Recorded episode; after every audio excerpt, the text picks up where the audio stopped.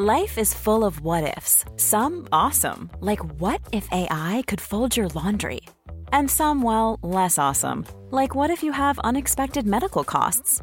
United Healthcare can help get you covered with Health Protector Guard fixed indemnity insurance plans. They supplement your primary plan to help you manage out of pocket costs. No deductibles, no enrollment periods, and especially no more what ifs. Visit uh1.com to find the Health Protector Guard plan for you.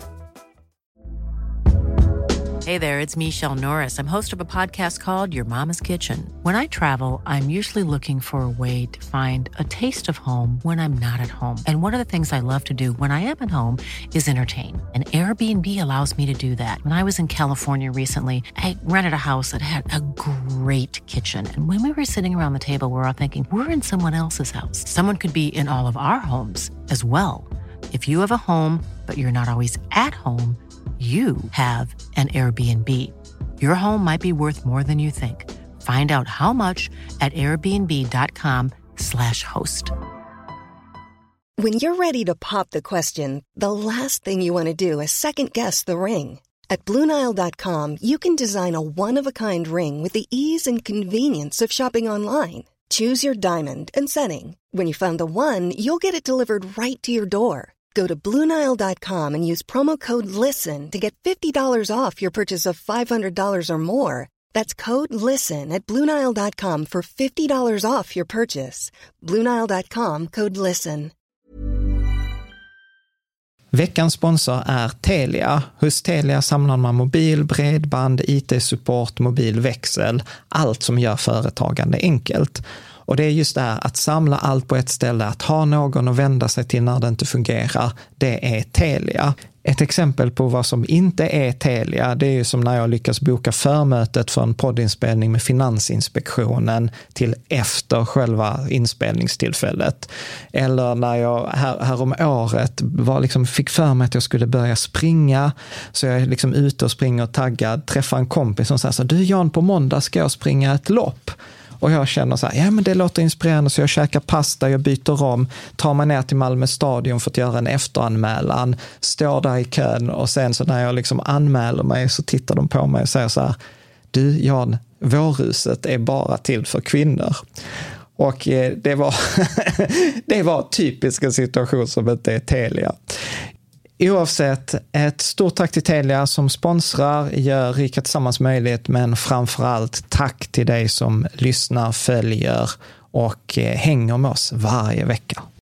Då var det dags för veckans sammanställning av de frågor som du och andra läsare har skickat in eh, på bloggen. Du som ser detta videoklipp på Youtube, då är det alltså på Rika Tillsammans som man har tryckt på frågor och svar eh, uppe i menyn. Eh, och till min hjälp idag så har jag min fru Caroline som har hjälpt till här med sammanställningen av frågorna och eh, du kommer ställa dem. Så jag tänker så här, låt oss köra igång. Ja. Eh, Okej, okay, då har vi fått en fråga från en läsare som säger så här att de har en plan att investera i en pengamaskin men sambon och den här personen vill köpa bostad inom två till tre år. Mm. Hur ska de då balansera sparandet inför bostaden och det här långtidssparandet i pengamaskinen. Mm. Alltså det där är en klurig fråga, eh, verkligen. Alltså, jag brukar säga så här att ett sparande som är mindre än fem eh, år, då bör det inte investeras på börsen eller i någon fond eller i någon liksom, annan sån typ av sparande. Utan då brukar jag säga ett bankkonto med en ränta över 0 eh, procent. Jag har skrivit en artikel som är så här, bästa sparkontona, bästa sparräntan. Där kan man se, och jag tror att det är typ 0,4 procent kan man eh, få i dagsläget. För att det är liksom trist att eh, att göra så att man går på visningar, ska köpa sitt hus eller man ska köpa sin bostadsrätt och sen plötsligt så, så liksom har man inte pengar till kontantinsatsen för att börsen har haft liksom en dålig vecka och tappat 50% Vilket inte är liksom något extraordinärt. Det kan, på en 15-årsperiod ska det hända i alla fall två gånger. Har man möjlighet att lägga undan de här ett par procent, alltså gärna 10 procent i sin pengamaskin oavsett det här målsparandet, så är det ju naturligtvis fantastiskt. Så kan man göra det så är det något jag rekommenderar för att pengamaskinen är ju det som ska försörja en i framtiden. Det är ju där man vill liksom leva på, på avkastningen. Men eh, jag brukar säga så att boendet är ändå så pass viktigt för de flesta så att, att det, det kan vara okej att prioritera det på bekostnad under en under en period. Så skulle jag absolut säga. Mm, perfekt. Vi har en annan fråga som är lite likartad men ändå annorlunda. Det är från en läsare som har tagit studenten precis Mm. och börjat sitt första jobb. Ja. Och eh, tänker spara hela lönen men är osäker på hur man ska lägga upp sparandet. Eh, för att det är nämligen så här att 40% av de sparade pengarna ska gå till en resa i mars eller april. Mm. Och eh, den här personen har ingen speciell plan. Är det bäst att helt enkelt ha alla pengarna i ett sparkonto eller har du något annat förslag? Ja, men det är lite som i den förra frågan. Alltså att ha 10% som är det här långsiktiga sparandet i pengamaskinen. Det bör man ju inte använda till någonting annat. På sin höjd använder man avkastningen, tänker jag. Vill man ändå ha lite eh, så här att man vill ändå investera det så brukar, jag tror det är Günther Mårder som hade en tumregel som sa så här att investera på börsen eller fonder 10% av beloppet för varje eh, år som du kan låta pengarna vara. Så kan du låta pengarna vara i tre år, att du inte behöver dem på tre års sikt, ja då kan du investera 30% av pengarna. Eh, ska du använda pengarna inom ett år, max 10% Ska du låta pengarna vara i tio år eller mer, som är den långsiktiga pengamaskinen, ja då är det naturligtvis 100 procent av eh, beloppet skulle jag säga. Men jag skulle säga också säga att det yngre sparar, det är fantastiskt att spara och spara för det är skit, skitviktigt och det kommer ge en fantastisk avkastning över tid. Men där är ju många saker som man ska ha koll på eller göra i början. Man ska ju ha liksom eget boende, man ska träffa en partner, man ska liksom kanske flytta ihop, ha bil. Så där är ju en massa utgifter. Så att gå inte all in på pengamaskinen utan ha ett målsparande för där kommer gå åt pengar till, till en massa saker innan. Mm. Så skulle jag säga. Men om man då ska resa om ett år? Mm. Ja, man ha pengarna på sparkonto. sparkonto. Mm. Max, investera max, max, max 10 Ja. eh, på, på börsen skulle jag säga. Max. Perfekt. Okej, då tar vi tredje frågan här. Mm. Som kommer från en förälder som har två söner. Den ena tar studenten och den andra är lite yngre. Och båda vill börja spara. Mm. Eh, den äldre vill spara till exempel 1000 spänn per månad av sin lön medan den andra vill spara, spara kanske hälften av det, 500 kronor. Och de har då kollat på den här nybörjarportföljen med sparande genom ISK, eh, Mm. investeringssparkonto hos till exempel Avanza. Mm. Eh, Men de ser att det blir svårt att få till hela nybörjarportföljen med, med de här beloppen. Vad Ja. tänker du kring det? Jo men alltså ny, nybörjarportföljen är den som jag brukar rekommendera det är väl typ en 8 eller 11 fonder. Och då ofta de flesta fonderna har ett minimikrav på minst 100 kronor. Så att eh, då, då räcker det inte. Och då brukar jag säga så här eh, att har man en mindre summa man sparar, vilket i deras värld är jättemycket, så det skulle jag säga så här, kudos för det första att man sparar redan när man är ung. Det har man så sjukt mycket glädje av. Så skulle jag säga så här, välj de breda globalfonderna. Alltså börja till exempel i den här Länsförsäkringar Index Global eh, och i en räntefond så man får den här fördelningen och sen så kan man balansera om en gång om året, eh, till exempel till jul eller nyår eller midsommar. Så att man får in de andra fonderna. Men det månadssparandet kan man lika gärna köra i den eh, globala indexfonden. Absolut. Mm. Jag tror att den läsaren fick svar på sin fråga. Det kom, det kom en annan fråga som, eh, som också rör det här med sparande, alltså barnspar då. Mm. Eh, och det är en person som har ett ISK-konto i sin bank där Mm. de sparar till barnen och ska öppna ytterligare ett och skapa en nybörjarportfölj. Mm. Är det bäst att fortsätta via banken eller finns det andra fördelar att öppna ett via Avanza? Alltså jag brukar nästan alltid rekommendera Avanza eller Nordnet. Det spelar ingen roll vilken av de två nätmäklarna man använder. Anledningen till det, för då vet man alltså att det är utan avgifter. Alltså ISK är utan avgifter enligt lag, men kapitalförsäkring kan vara lite, liksom, det är lite vilda västern. Eh, när man sparar till barn så är rekommendationen alltid kapitalförsäkring i, det, eh, i sitt eget namn med barnet som förmånstagare. För att annars har man det i barnets namn så är det barnets pengar. Och har du en gång gett pengarna till barnet så kan du faktiskt inte ta tillbaka dem. Eller det är väldigt, väldigt, väldigt svårt. Eh, och det andra är att dessutom när barnet fyller 18 så har du full dispositionsrätt. Vilket innebär ju att eh, när barnet fyller 18 så är det dess pengar och då kan den barnet tar pengarna liksom så här och du har sparat i 18 år och sen blir det en Ibiza-resa med, med polarna. Och det är väl kanske inte det som kanske då var meningen. Men har du det i ditt eget namn i en kapitalförsäkring så kan du bestämma när pengarna ska falla ut på vilket sätt och du kan dessutom ha flera barn eh, som förmånstagare i samma kapitalförsäkring. Och det är också något jag rekommenderar. Ehm, just det att man sparar till alla barn i en gemensam pott, för annars kan det bli väldigt, väldigt orättvist. Ehm, om jag tar mig själv som exempel, jag är född 81, hade mina föräldrar sparat en tusenlapp i månaden. Fram till 99 så hade jag haft 2,8 miljoner. Min bror som är född 85, som blev 18 2003, han hade bara fått ut 600 000. Om man hade sparat samma summa. Eh, och det där handlar helt enkelt om att 99 det var toppen av IT, eh, liksom börsyran och 2003 ungefär liksom ganska misärigt. Och jag vet inte hur det är men som förälder ska man ju tycka att det är ganska orättvist att den ena ungen får 2,7 miljoner och den andra ungen får 600 000. Och när det gäller de beloppen, alltså det är ju inte som att man direkt sa, ah men jag betalar 2,1 miljoner i mellanskillnad. Mm. Så att eh, ja, som så här, generella tumregeln alltid, kapitalförsäkring i Sparningsbarn, Husavans eller Nordnet i ditt namn, barnen som förmånstagare.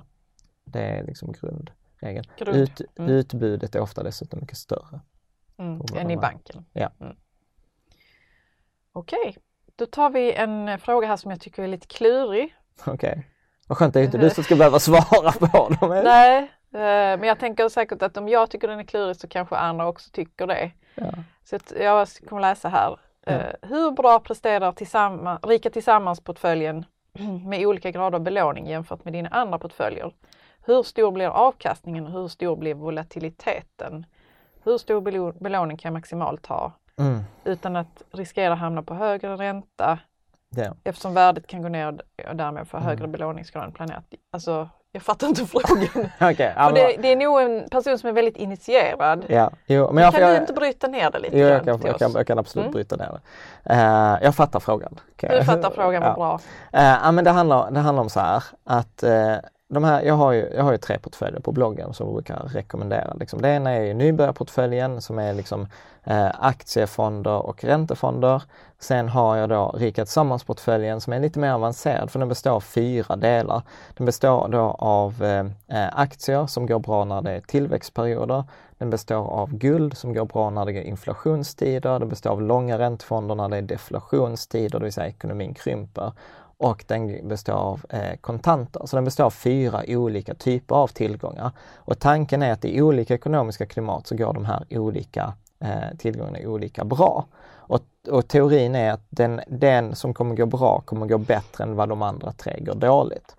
Så att det är liksom grunden i Rika Tillsammans-portföljen. Och, och om man då tittar på detta så kan man säga att Rika Tillsammans-portföljen är inte en vinstmaximerande portfölj. Det är inte en portfölj som ska avkasta så mycket som möjligt, utan det är en portfölj som fokuserar på den riskjusterade avkastningen, det vill säga att man vill ha så liten volatilitet och liten volatilitet, då menas att en volatilitet är svängningar.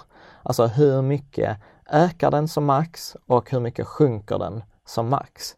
Så till exempel om man har då den tredje portföljen, globala barnportfölj, som nästan bara är aktier. Alltså den kan gå 50% upp ett år och den kan gå 50% ner ett år. Och det är inget konstigt, för det är aktier. Men Rika Tillsammans-portföljen vill man inte att den går 50% upp och man vill inte att den går 50% ner. Nu har jag inte siffrorna exakt i huvudet så att eh, man, man behöver dubbelkolla de här, jag kan eh, skriva en länk till artikeln. Men jag har för mig att volatiliteten eh, ska ligga på ungefär eh, man brukar prata med standardavvikelse om ungefär 7 så att om medelavkastningen i genomsnitt ett enskilt år gör riket tillsammans på ungefär 6% och så gör den eh, svängningarna som den kan svänga runt de här 6% då brukar man säga ungefär också 6% Så tanken med riket tillsammans är att i ett, ett dåligt år, ett riktigt dåligt år, så ska den typ göra 0 mm. Okay. Ett riktigt bra år så kommer den max göra 10-12 och sen kan man räkna sannolikheter eh, för det här. Så att den svänger, så Rika Tillsammans-portföljen svänger mycket mindre, det är mycket mindre svängningar eh, än en globala barnportföljen som svänger jättemycket. Och fördelen då som frågan kommer här då, mm. det är att när den svänger lite så kan man belåna den. Mm. För att en belåning är ju som att man tar ut svängarna Man tar ut svängen när det går dåligt så går det lite extra dåligt men när det går bra så går det lite extra bra. Mm. Och eftersom de här svängningarna är låga så gör det ju faktiskt att, eh, att man kan ta lite större risk. Och ja, i Rikets samhällsportföljen så ligger jag belånad mellan 30 och 40 procent. Och anledningen till att jag ligger mellan 30 och 40 procents belåning på Rikets samhällsportföljen är ett, för att just volatiliteten är låg. Men också för att eh, den har jag primärt hos Nordnet.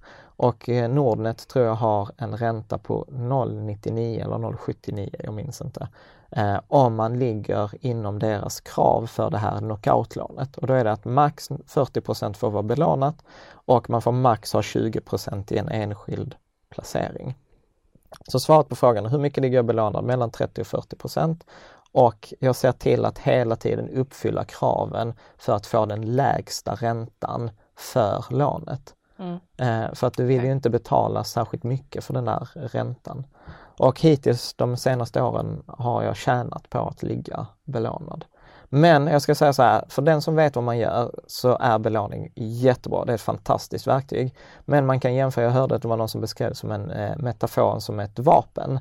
Att det kan vara din bästa vän, det kan skydda dig, det kan lösa eh, saker. Men du kan också skjuta dig själv i foten eh, och då gör det jävligt ont. så att eh, Använd, eh, använd hävstång, använd belåning med eh, sunt förnuft. Men liksom ignorera inte det, för jag vet att det är många som säger att ah, man ska inte låna pengar. Jo, fast om du gör 6% i genomsnitt och du kan låna för 0,99, det betyder att du får 5 mm, i mellanskillnad. Mm. Så att det är värt det. Okej. Okay.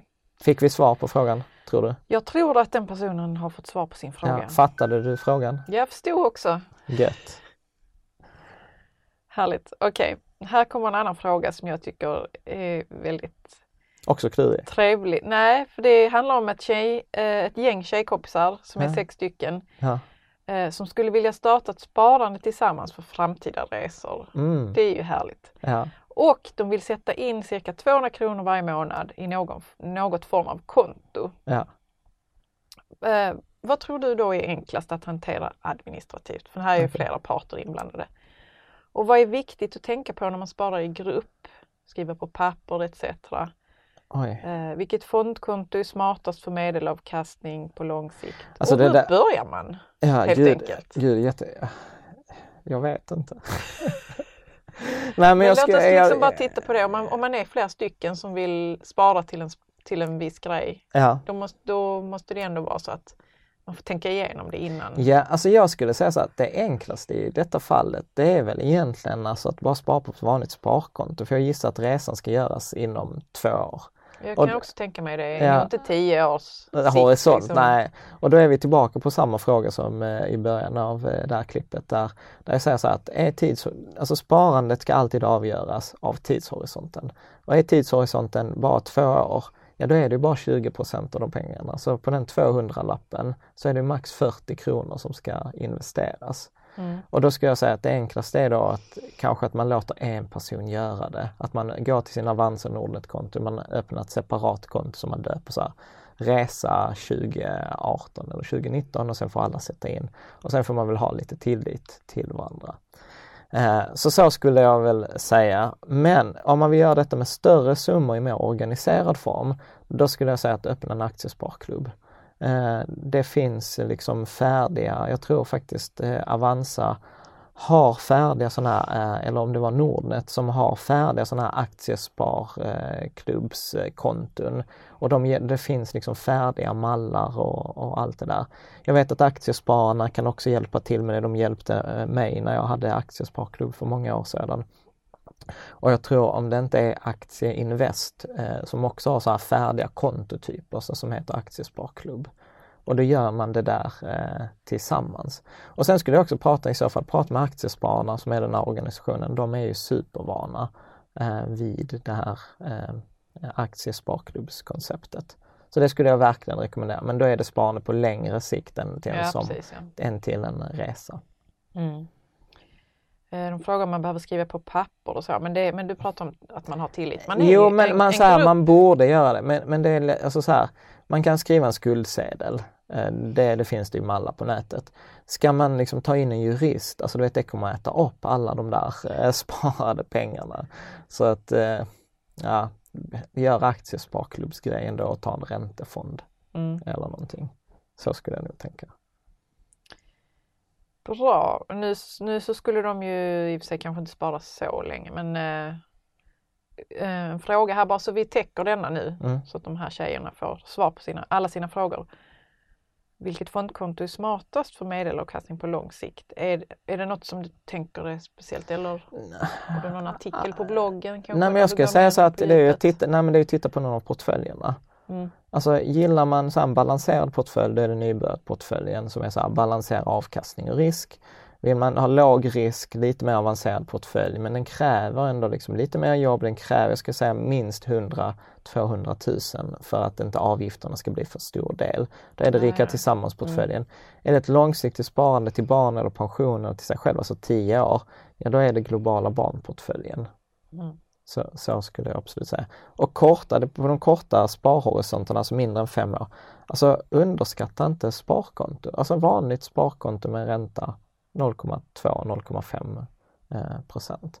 Sen finns det massa varianter på det där, alltså låna ut pengar till peer-to-peer låning och massa annat. Men det är inte, det är inte, det är inte där man börjar liksom.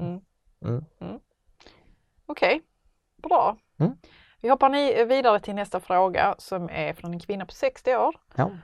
Och eh, hon har precis börjat spara i Folksam traditionell kapitalförsäkring. 1000 kronor per månad ungefär som hon ska ta ut om 10 år. Mm. Eh, och hon känner ändå att hon skulle vilja spara i någon nischbank eller liknande. Eh, kanske 500 kronor per månad. Mm. Eh, ta ut om fem år och hon undrar om du har några bra tips där? Alltså jag är ju tyvärr så här, jag rekommenderar alltid Avanza och Nordnet. Och det gjorde Och vad är jag. nischbank där egentligen? Ja, jag vet inte. Ja, men alltså nischbank, för mig är nischbank någon bank som bara gör en grej. Mm. Och Avanza och Nordnet, de gör ju bara sparande.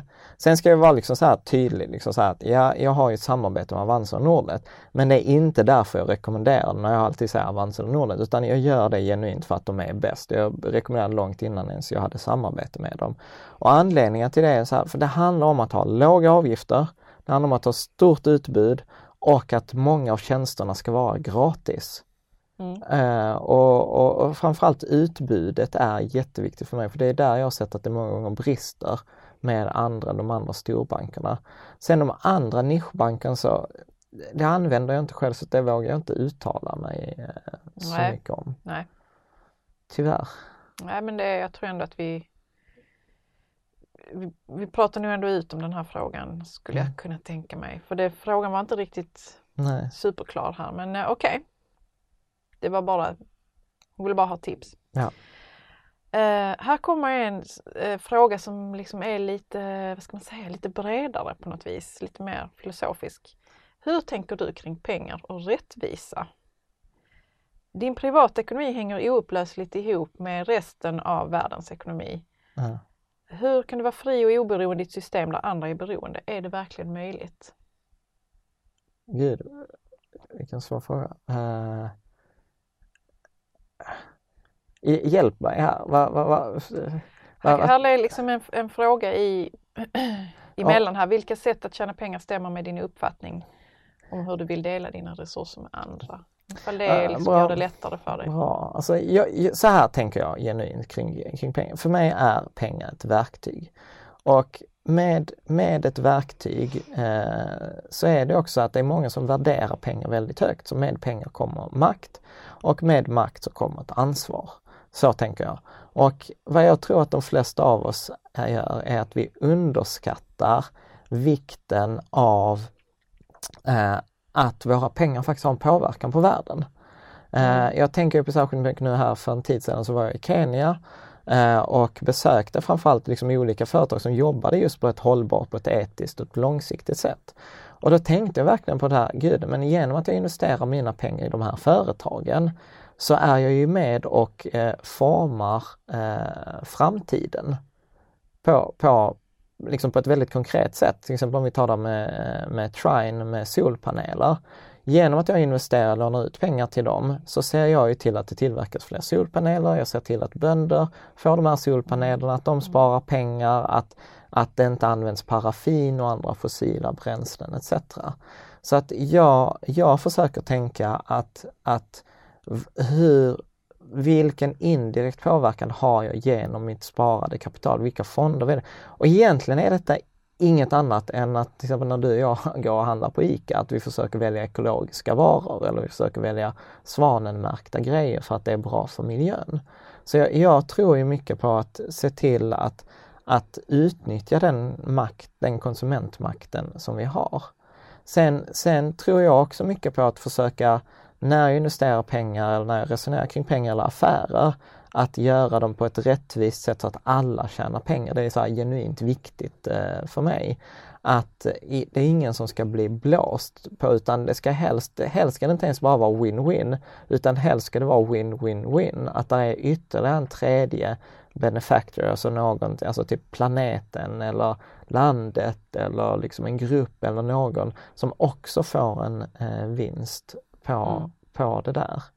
Um, så att så tänker jag eh, kring det där. Jag tänker också att eh, jag är hellre eh, for profit eh, än jag är välgörenhet. Jag tror till exempel att man kan göra större impact eller ha en större påverkan om man jobbar med långsiktigt hållbara projekt än till exempel i välgörenhet. Så där skiljer jag mig lite från, eh, från många andra. Även om jag tycker att många välgörenhetsorganisationer gör ett fantastiskt jobb men de gör det ofta med ett katastrofskede snarare än ett ja. långsiktigt hållbart sätt. Eh, vad tänker du? Om du hade ställt frågan, du brukar vara nyfiken. Är det, är det ett svar? Jo men det är ett bra svar men det var också en annan aspekt av frågan här mm. som löd Hur kan du vara fri och oberoende i ett system där andra är beroende? Är det verkligen möjligt? Och där har ju du och jag pratat om det här med sån här kan vara det Vanguard kanske eller någonting sånt, alltså, alltså en global globalfond där man inte såg alls den här, den här skiftningen i, i ekonomi som, som kunde vara liksom enskild, enskilda aktier och enskilda mm. fonder mm. kanske. Mm. Minns du, vi har ju pratat om det här någon gång, att, att det finns några sådana här globalfonder som inte, de varierar inte så mycket. Nej, eh, det nej. kanske är en ingång, jag vet inte. Det var ja. bara det som jag kom att tänka på när jag ja. läste den här frågan. Ja. Nej men alltså, jag, jag tror att det är svårt att checka ut från det här liksom finansiella systemet eller så som världen ser ut. Eller så är det väldigt opraktiskt. Du har väl nog ändå känt att du har velat checka ut? Något. Ja, jag har ibland känt sådär, åh jag vill skaffa mig ett hus och vara självförsörjande och sådant. Så slippa vara beroende av slippa andra? vara beroende. Men jag tror egentligen faktiskt, eh, jag tänkte på det här när jag läste en bok med Stephen Covey. Han pratar så här, vi föds beroende Uh, och sen är liksom halva vårt liv strävat att vi ska bli oberoende från våra föräldrar, oberoende från en massa andra människor. Men vad jag tror att vi missar i det där, för att i Sverige har vi gått så här, många säger att vi, liksom, vi är världens ensammaste folk, men att det har gått lite överstyr. Och jag tror faktiskt att det, det coola är den där nivån som Stephen Covey pratar om som är ömsesidigt beroende.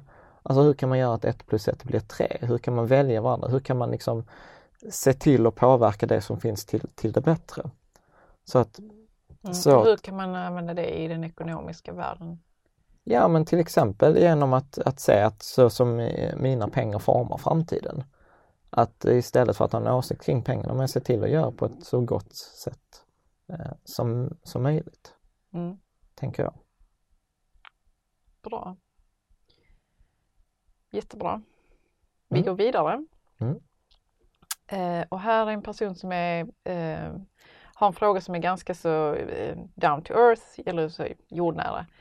Eh, en person som tänker köpa tvåfamiljshus, mm. renovera dem mm. och sen sälja dem som bostadsrätter. Mm. Eh, och vill gärna göra det på heltid. Ja. Hoppas kunna leva på verksamheten. Eh, och då är frågan, ska man liksom öppna firma och klassa det som näringsverksamhet? Mm. Eh, när man spekulerar i bostäder på detta viset. Eh, och i så fall köpa bostaden i firman. Mm. Vilken företagsform ska man välja i så fall om det är på det viset? Oh, ingen aning. Eller jo, så här, jag skulle säga så här. Vad skulle du gjort om du hade... Jag skulle, jag skulle ringt till Skatteverket som jag påstår har Sveriges bästa kundtjänst. Ja. Och sen hade jag pratat med dem, för det kommer bli företag oavsett. Eh, och sen skulle jag nog gått på aktiebolag. Alltså i Sverige är det så här, aktiebolag är ju de facto standard. Alltså om du ska göra större grejer, göra någonting yrkesmässigt. Eh, och, de, och sen skulle jag säga så här, hitta en bra redovisningskonsult som, som har jobbat med fastighetsägare och få, få liksom de där konkreta råden hur man ska göra. Mm. För att där är, det, där är så många, det beror på grejer i, i detta. Sen skulle jag säga så att jag har en artikel här, vi gjorde en intervju med Isabelle och Jakob från Mainhome. Mm. Um, så att googla Isabelle och Jakob och Rika tillsammans så kommer du hitta en intervju. Sen skulle jag nog pratat med dem också. Mm. Så skulle jag nu gjort. Perfekt. Det, jag tänkte på det där med att uh, lite knyta an till den där filosofiska frågan igen. Mm. Vi kan väl göra du det. gillar den? Eh, nej men det är väl det här att, eh, som du och jag pratat om att ehm, det finns ganska mycket liksom, säga, att vi har ingen tillit till ekonomin. Ja. Vi tänker att den ska väl krascha när som helst och bäst att liksom, eh, som du köper ju guld till exempel som Mm. ska vara någon, någon balans mot Försäkring. Ja, försäkring liksom mot alla de här pengarna som bara trycks upp och när kommer hela systemet att krascha, kommer det göra det någon gång och så. Ja. Och de tankarna tänker jag väl ändå att folk alltid har umgåtts med. Mm. Sen vi hade, började ha ett ekonomisystem. Men är inte det som du brukar säga så att vi älskar så här katastroffilmer? vi älskar katastrofer, vi tror att det ska hända. Vi är ju riskmedvetna varelser, Ja. vissa mer än andra. Och, eh, och på sätt och vis har jag fått lite lättnad i att tänka att det kan vara så att ekonomin går bra de kommande 200-500 åren, alltså att det bara kommer fortsätta. Mm. Och jag förstår att vissa höjer på ögonbrynen här nu och tänker att ja, ja, det där är ju du tänker inte på att jorden har slut på sina resurser kanske så, men vi hittar kanske andra sätt. Jag bara Rymden. tänker att, jag skulle, att det, det skulle kanske vara skönt för människor att liksom få någon slags tillit till ekonomin. För att jag upplever det som att vi har inte det. Nej. Att tro att det kan gå bra, att det kan fortsätta. Mm. Eh, Alltså, bra, jag, liksom. alltså jag skulle säga så här, alltså det beror på vad man lägger definierar bra. Alltså det är så här, på hösten så dör ju väldigt mycket växter. Eh, liksom, så här. Är det bra, eh, bra, bra eller dåligt? Så här, läskigt prata med dig som har den biologbakgrunden. Eh, men, men, men det är ju bara så som det är. Alltså där finns ju, där behö, alltså jag tror inte på en ekonomi som bara går upp. Alltså en ekonomi behöver ju leva, alltså den går ju igenom olika faser. Och, det, och, det, och det är inget konstigt. Det är därför som jag säger alltid så här, ja men du vet investerar du i fonder i- på börsen i aktier, där kommer vara en krasch. På, liksom på en 15-årsperiod kommer det vara 50% back två gånger. Det är inget konstigt. Alltså det, är- det är som barn, alltså de behöver trilla och slå sig och, Men och vi kan lätt bli dramatiska kring Ja. det där och det kanske vi, och det känns skönt att du säger att vi behöver inte vara det utan det är Nej, bara som det är bara som det är. del av spelet. Ja, Mm. eh, och det är samma sak som även om jag har pratat om bostadsbubbla i massa av bostadskrasch. Jag tror ju vi kommer ha en sån.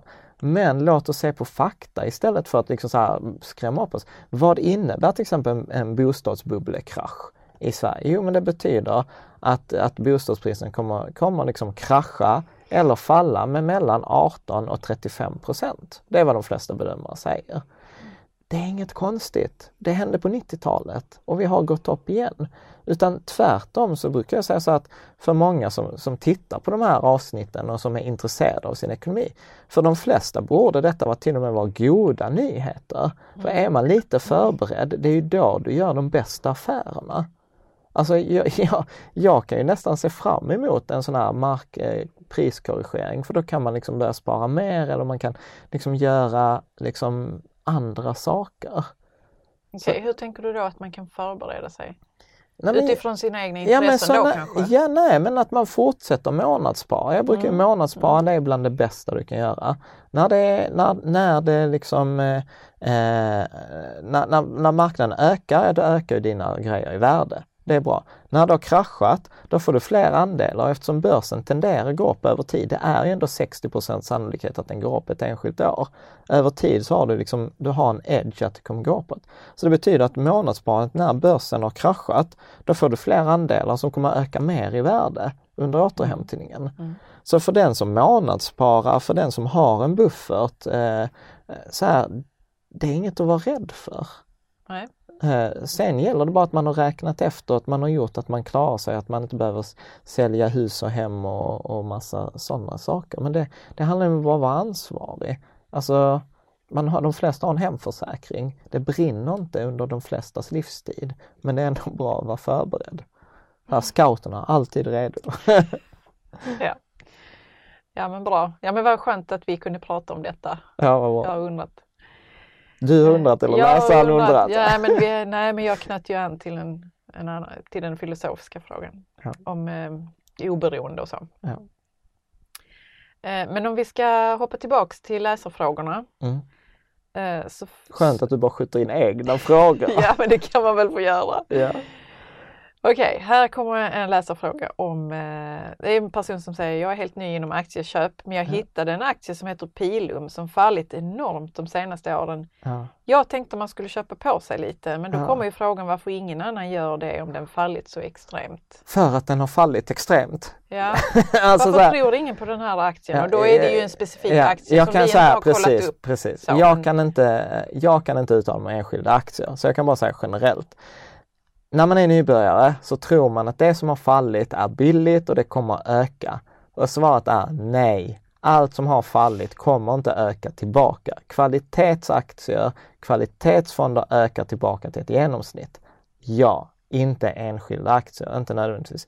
Jag brukar använda metaforen med häst. Alltså säg att du är på en hästkapplöpningsbana och du har eh, två stycken hästar.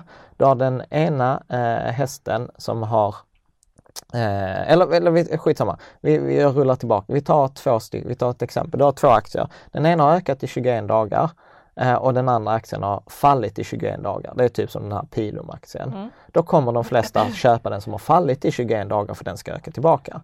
Om vi tar metafor nu med hästarna. Du har två hästar. Den ena hästen har vunnit de senaste 21 loppen. Den andra hästen har förlorat de senaste 21 loppen. Vilken häst kommer de flesta satsa på? Det smarta den är... vunnit. Eller hur? Det smarta är ju att köpa den hästen, inte köpa, satsa på den hästen som har vunnit de senaste 21 eh, loppen. Så är det för aktier också. Aktier som ökat eh, i värde tenderar att öka i värde också. Där är bloggrannen Kavastu, Arne Talving, på hans kurs pratar nu minns jag inte siffrorna exakt, men han sa så här, du vet en aktie som ökat med 8% har en väldigt, väldigt hög sannolikhet att den kommer fortsätta öka. En aktie som har fallit med 8% har en väldigt hög sannolikhet att den kommer fortsätta falla. Så att eh, generellt... Varför är det så egentligen? För att ofta är det någon anledning till att den har fallit. Att de har redovisat eh, förlust, att de har tappat kunder, att försäljningen inte är det Är det också en skulle spiral liksom, Ja. när det väl har börjat? Ja, när det väl har börjat så går det neråt. Och jag brukar säga så att det är inte värt att chansa eh, Nej. på dem. Utan ska man investera i, liksom ska man försöka fånga en, alltså det är som att fånga en fallande kniv. Det kan gå, men är du, är, man är fan eller jag är inte beredd att försöka. Liksom. Nej. Sannolikheten att det kommer göra ont är hög. Mm. Gud, jag fick så här obehaglig bild framför mig. När man sa Ja, det var ju din metafor. Ja. Okej, vi tar en annan fråga nu då. Ja. Eh, Jag har läst på din blogg om MLM, eh, Ja. marknads... eh, multilevel marketing. Ja, multilevel marketing heter Mm. det. Vad anser du om Lioness? Just nu säljer de moln för Ja. 14 000 kronor som gäller för Polen. Mm. Tycker du det är hög risk eller, seri- eller ett seriöst företag? Mm. Eh, Så här, så här, Vad jag, tänker du kring det? jag brukar eh, försöka undvika att uttala mig om andra företag eller aktier som jag inte vet om. För jag brukar vara så här att man behöver göra lika mycket research för att vara kritisk som man behöver göra för att kunna rekommendera någonting. Eh, Lioness, det jag vet om Lioness är att de har varit igång ett antal år. Eh, jag har varit och lyssnat på en sån här presentation om de här molnen och jag kan säga så här, jag fattar inte det. Sen- nej, jag sen- fattar inte heller vad är moln för Ja, där. liksom. jag ska inte Är det produkten liksom? Ingen aning. Nej. Eller i, i, ingen aning. Nej, så okej, det, det, det, det, så enkla, det enkla svaret. Eh, men jag skulle säga så här, allt, alltså så här, att investera i fonder och aktier anses i normala fall vara hög eller ganska hög risk för att du har en stor volatilitet. Det kan gå upp 50% du kan förlora 50% Problemet, och nu säger jag inte att detta är specifikt för Lioness, men andra typer av investeringar som jag själv gör som jag verkligen brinner för, till exempel Better Globe och eh, liksom Saveland och Trine och massa andra projekt. Alltså där har du en risk som heter så här. Du investerar 100 kronor men värsta fallet är att du får ut 0 kronor.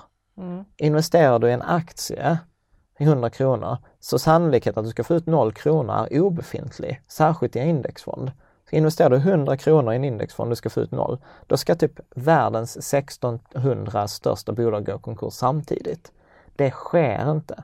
Och det, liksom så här, det brukar vi kalla för högrisk. Och då om jag tänker att okej, okay, då har vi de här andra projekten där jag investerar 100 kronor och i värsta fall så får jag inte ut 50 kronor som är aktier utan i värsta fall får jag ut noll. Då skulle jag säga att då klassas ju det som högre än det som normalt kallas för högrisk. Absolut. Så att eh, jag brukar säga så här, max oavsett vilka, så här, max mellan 5 och 10 procent i den här typen av investeringar. Eh, till och med sånt här som till exempel Better Globe som jag, som jag Mm. älskar. Mm. Så att det gäller att ha liksom en sund eh, riskprofil. Alltså- 5-10 procent är ju ändå inte så mycket Nej. kan man tycka. Nej men det, är det, väl ska, att- men det ska Mm. inte vara så, utan basen, basen bör vara liksom stabila klassiska reglerade investeringar, alltså indexfonder och räntefonder. Mm. Det är liksom, eh, det finns en anledning till att det har funnits över hundra år. Bra. Mm. Okej, nu till någonting mer eh, greppbart kanske, eller vad man ska säga. Kommer en läsarfråga som, eh, en läsare som undrar hur ska man köpa fysiskt guld? Kan man lita på att det är äkta guld när man köper det online? Ska man göra med guldet sen? Åh, ja, Och gud, detta är en eh, jättesvår när ska fråga. det säljas för bästa avkastning? Mm. Du gillar ju guld ju. Jag gillar guld. Så detta är väl ändå en rolig fråga? Ja, absolut, absolut.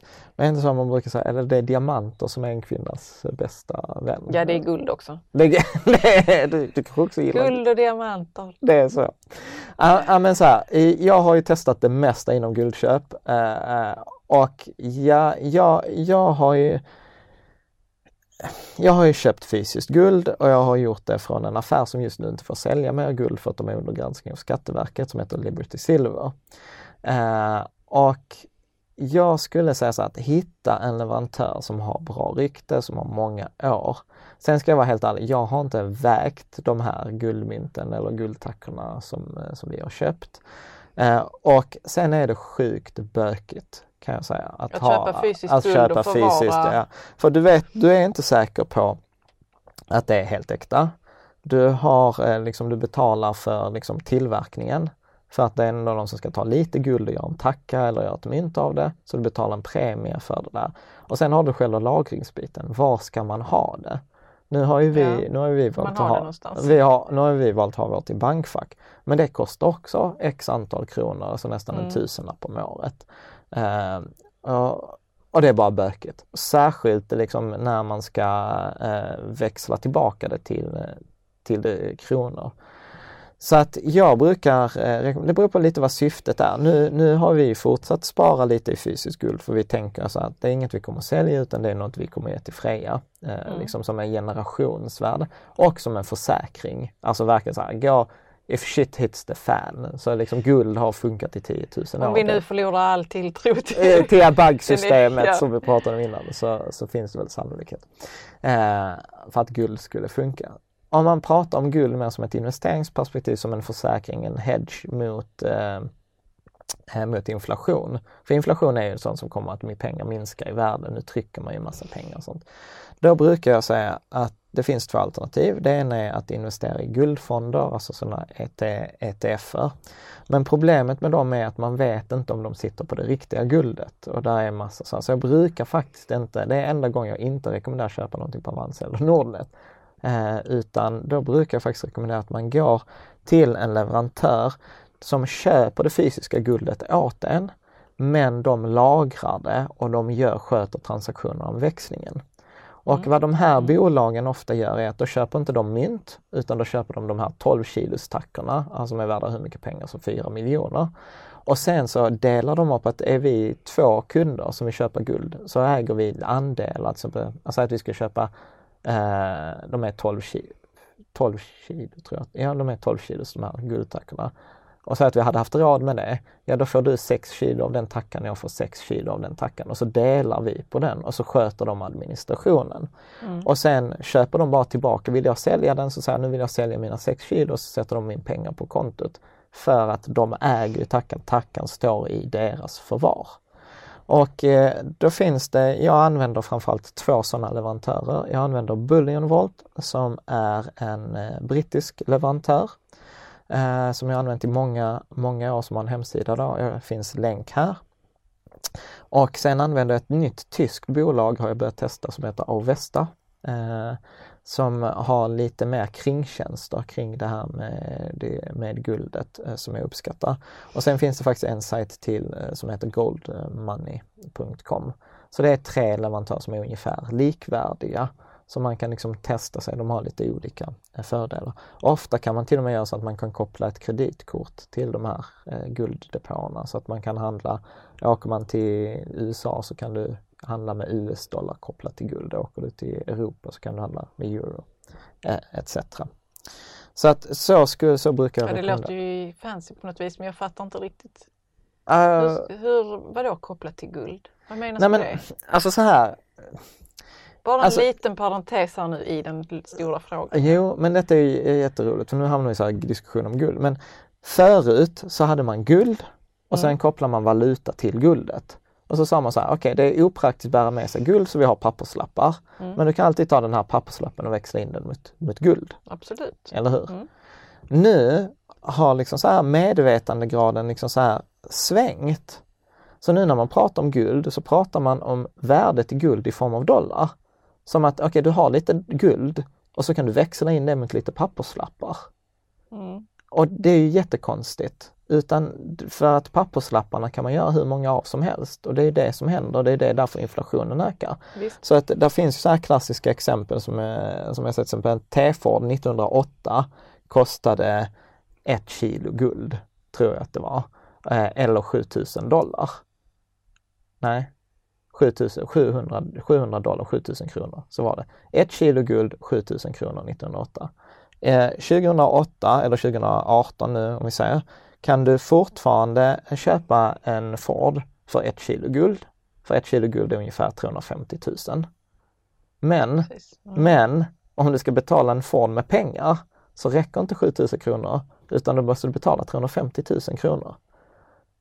Hänger du med? Så Mm. att det är mycket smartare att ha guldet än ha kronorna på över lång tid, just det här Mm. med inflationen. Och då kan man ju då säga att då finns det, de flesta av våra kreditkort är kopplade mot eh, papperspengar. Mm. Men då erbjuder många, till exempel eh, Avesta och Gold Money, de erbjuder ett kreditkort som är kopplat till guld istället för att det är kopplat till, eh, Papperslapparna. till papperslapparna. Sen är inte det jättebra för de tar massa växlingsavgifter och sånt men, men jag tyckte så här, det var en sån här cool added Det låter coolt det. Det låter coolare, jag har inte använt det. Nej. men, Nej. men, men det är liksom ett annat, det beror på vad, vad man vill med sitt guldsparande. Om man tar det utifrån guldsparande i Rika Tillsammans-portföljen, alltså Bullion Vault eller Avesta eller Goldman, det är fantastiskt. Skit i allt det där med kreditkortet. Så det var bara ett sidospår. Mm. Blev det tydligare? Eh, ja, det tror jag absolut. Det blev tydligare för mig och eh, jag tror också att vi har ändå svarat ganska mycket på den där frågan. Ja. Men eh, Bullionvolt, eh, Avesta och så. Har du något blogginlägg man kan läsa mer om Ja, det här? Om vi länkar. Det, vi har inte tid att liksom sitta och sta, bokstavera det här nu. Nej men där kommer en länk. I, när man Det tittar på detta på länk, ja. Youtube Mm. så, så kommer Embla som redigerar detta sätta dit en länk eh, där det står så här, klicka. Jag ska också vara tydlig här bara för så att jag inte får det sen. Jag, när jag hittar saker som jag gillar och som jag gör själv så försöker jag alltid, först göra det själv och sen berätta om det för andra. Men när jag berättar om det för andra så brukar jag också se till att ordna ett samarbete med det här företaget. För att det är så jag finansierar bloggen, det är så vi har liksom Embla som hjälper oss med det här och du och jag kan sitta en fredag förmiddag Mm. och liksom spela in där. Så att det går ut en liten viss ersättning från de här bolagen om du köper det här guldet via dem. Det blir inte dyrare för dig för att du gör det. Så att du förlorar ingenting utan det är detta vi pratade om innan, win, win, win. Liksom, eh, win för, för dig som kan titta på detta klippet gratis utan, eh, Utan reklam och... Ja det blir konstigt att säga utan reklam eftersom man Ja, det skulle är- kunna men- säga ja, att detta är reklam. Men man, man kan säga det utan massa sådana grejer och förhoppningsvis får du ett bra tips. Eh, Bullion Vault eller de här, de blir jättenöjda för de får en ny kund så de betalar mig Alltså ofta är det så här 0,025 alltså procent, så det är typ ingenting, men många bäckar små. Och jag blir nöjd för jag får den här lilla miniersättningen som gör att eh, liksom jag kan prioritera detta och se till att vi kan göra detta. Så nu har jag mm. sagt det tydligt. Mm, det var tydligt. Men du, vi kan gå vidare på det här med råvaror. Ja. Här är en, eh, en läsare som, ehm, som, säger, som undrar vad det är för råvaror du rekommenderar. Just nu, skriver den här läsaren, har jag delat in eh, 7,5% på silver och zink. Finns det någon bra råvarufond eh, som har jag brukar, precis, det korta svaret är jag brukar inte rekommendera in råvarufonder. Alltså det, för det är en specifik nischfond. Jag investerar själv i guld och silver som vissa kallar för råvara som man kan argumentera Men jag gör det inte för att jag vill följa ett råvaruindex utan jag gör det för att de har historiskt haft en väldigt låg korrelation med aktier och att jag ser det som en försäkring och att de går bra i inflationstider. Vill man investera i råvaror så brukar jag säga så här, välj en ETF, alltså en börshandlad fond som investerar i en korg av råvaror. Så att, liksom att investera i enskilda råvaror det är jättesvårt. Mm. Jättesvårt. Så hell, ska du göra det så ska jag säga, välj en indexfond för råvaror. Och eh, oh, om man letar på något gammalt inlägg på bloggen så vet jag, jag tror det fanns någon sån här GCI eller någon sån fond. Men det är bara så här bakhuvudet. Okej. Okay. Alright, men mm. um, då går vi vidare ja. från silver och zink och guld. Till uh, diamanter? Nej, men det fanns ingen som undrade om diamanter, tyvärr var det inte det. Jag kan skriva dit en egen fråga. Yeah. Uh, här kommer en annan fråga som, uh, som lyder så här. Undrar om du kan ge ett förslag på en portfölj? På en fåtölj? när man väl börjar ta ut sin tjänstepension. Jag har talat med Avanza och portföljen får vid uttag inte innehålla aktier och det är inga problem. Men mm. inte heller ETFer och det, det gör den rätt mm. rejält ja. under Krille. Eh, då skulle jag säga en variant på nybörjarportföljen. Mm. Globala indexfonder. Alltså, ja. Men det, det handlar också om tidsperioden. Återigen, investera max 10% av ditt kapital per år du kan låta pengarna vara. Mm. Men det finns eh, många bra indexfonder eh, som man absolut kan, kan köra på. Mm. Bra. Eh, ska vi pausa där? Ja, eller jag tycker nu har vi pratat i nästan 50 minuter så att eh, jag tycker för att vara första för... gången så tycker jag att detta har gått ganska bra. Jo men det tycker jag absolut. Jag tycker det har varit jätteroligt. Ja, vad bra. Mm. Eh, så får vi säga och hoppas att eh, du som tittar på det här också tycker att det är bra. Och eh, så gör vi ett nytt försök, o, o, oavsett vad folk säger, så gör vi ett nytt försök eh, nästa vecka. Det gör. Med, med lite mm. fler frågor.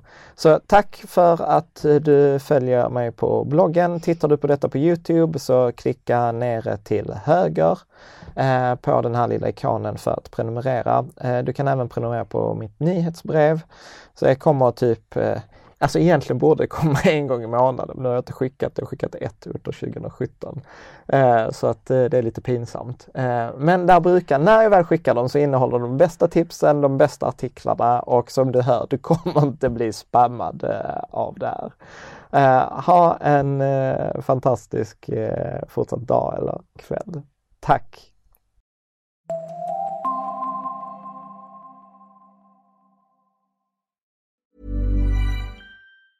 Even when we're on a budget, we still deserve nice things. Quince is a place to scoop up stunning high-end goods for 50 to 80% less than similar brands. They have buttery soft cashmere sweaters starting at $50, luxurious Italian leather bags, and so much more. Plus, Quince only works with factories that use safe, ethical, and responsible manufacturing. Get the high-end goods you'll love without the high price tag with Quince. Go to quince.com/style for free shipping and 365 day returns. Mom deserves the best, and there's no better place to shop for Mother's Day than Whole Foods Market. They're your destination for unbeatable savings, from premium gifts to show-stopping flowers and irresistible desserts. Start by saving 33% with Prime on all body care and candles. Then get a 15-stem bunch of tulips for just $9.99 each with Prime. Round out Mom's menu with festive rosé, irresistible berry chantilly cake, and more special treats. Come celebrate Mother's Day at Whole Foods Market. When you make decisions for your company, you look for the no-brainers. And if you have a lot of mailing to do, stamps.com is the ultimate no-brainer. It streamlines your processes to make your business more efficient, which makes you less busy. Mail checks, invoices, legal documents, and everything you need to keep your business running with stamps.com. Seamlessly connect with every major marketplace and shopping cart. Schedule package pickups and see your cheapest and fastest shipping options from different carriers with rates up to 89% off USPS and UPS rates. And with the stamps.com mobile app, you can take care of mailing and shipping wherever you are. Make the same no-brainer decision as over 1 million other businesses with stamps.com. Sign up with code program for a 4-week trial plus free postage and a free digital scale. No long-term commitments or contracts. That's stamps.com. Code program.